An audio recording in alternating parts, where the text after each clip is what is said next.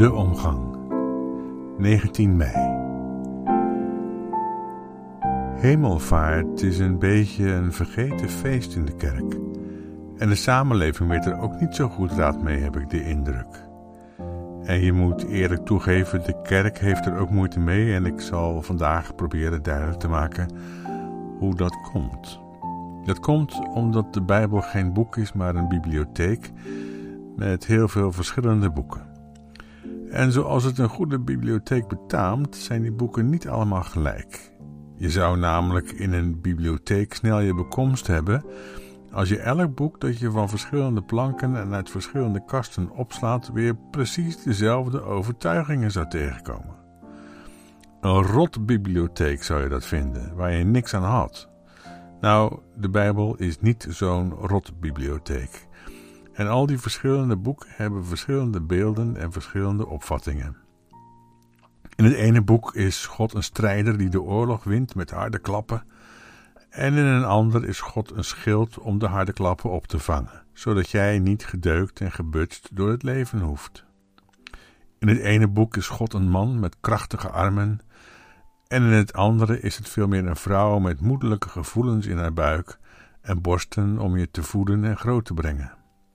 Wie daar niet tegen kan, wil van de Bijbel iets dat de Bijbel niet wil zijn. Er is in Nederland een vertaling en die heet Het Boek. Het Boek. Aan de titel kun je al zien dat het niet goed kan komen met die vertaling. Hoe zit dat met de hemel?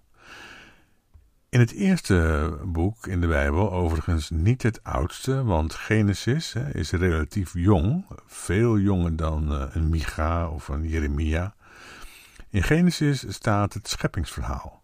Een van de eerste podcastafleveringen zijn we daarmee begonnen. Daar is de hemel een soort vastgestampte koepel, als een soort van kaasstolp over de aarde heen. De rakia in het Hebreeuws, wat letterlijk betekent het aangestampte. En die rakia die is bedoeld om de wateren die boven die rakia zijn, de wateren van dood en chaos, ondergang en destructie, veilig van de aarde weg te houden. En de vogels mogen dan onder langs die koepel vliegen en fladderen alsof ze willen zeggen: Haha, jullie daarboven, machten van dood en chaos, kunnen ons hieronder niks maken. Lekker pe. En God is dan daar op die grens tussen leven en dood. Maar verderop in de Bijbel, bij de profetie, is de hemel iets anders. Daar is het een soort van knesset, waar de goden vergaderen. En de slavengod is daar dan ook bij, om die goden het vuur aan de schenen te leggen. Dus in de profetie woont God niet in de hemel. Kom nou, hij moet er niet aan denken. God woont op de aarde en zetelt in de hemel. Daar woont hij niet, dat is zeg maar zijn werkplek. Daar heeft hij het dagelijks te stellen met de goden en de machten van de religie, waar mensen veel te snel voor knielen en zichzelf totaal aan uitleveren. Verderop, maar dan komen we in de sfeer van het Nieuwe Testament, krijgt de hemel meer een functie als de plek waar je liefdevol wordt opgevangen als je sterft. Daar is het een hemels rijk dat anders dan in de religie niet naast zoiets als de hel zich bevindt.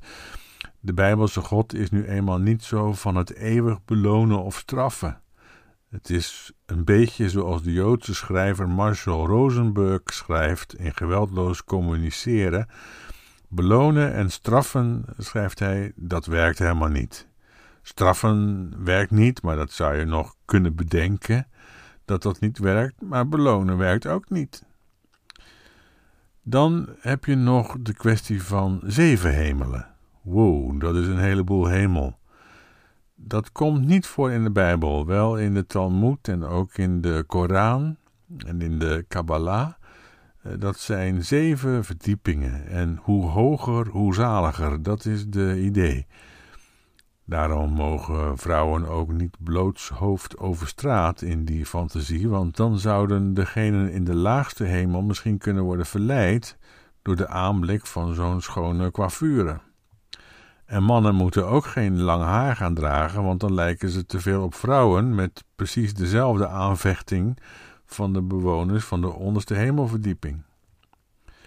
Paulus dacht blijkbaar, of de mensen in zijn dagen dachten, in drie hemelen. De onderste hemel wordt dan gevormd door de atmosfeer, de lucht en de wolken.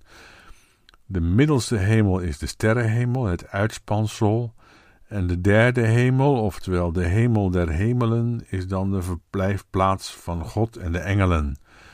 Zoals in 2 Korintiërs 12, vers 2. Dus, wat de hemel precies is, we weten het niet. Het hangt er vanaf waar je in gaat lezen. In elk geval heeft het te maken met de wereld van de macht, waar de goden vergaderen, of met de grens van de dood, zoals in Genesis, of met een opvang voor de gestorvenen, zoals wij er meestal over spreken en het dan noemen als het hiernamaals, wat in veel gevallen lijkt op een soort hierna nogmaals. Het meest troostende vind ik de gedachte uit het boek Openbaringen, waar ik het morgen over zal hebben. Daar wordt gesproken over een nieuwe hemel en een nieuwe aarde.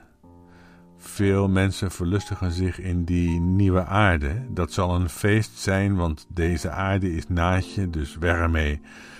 Maar zij vergeten dan vaak dat er staat dat er even zo goed een nieuwe hemel komt, want de manier waarop we er nu mee omgaan kan blijkbaar ook niet, dus. Wel, we hebben het er nog over. Nu eerst maar weer genoeg. En morgen verder. Tot morgen.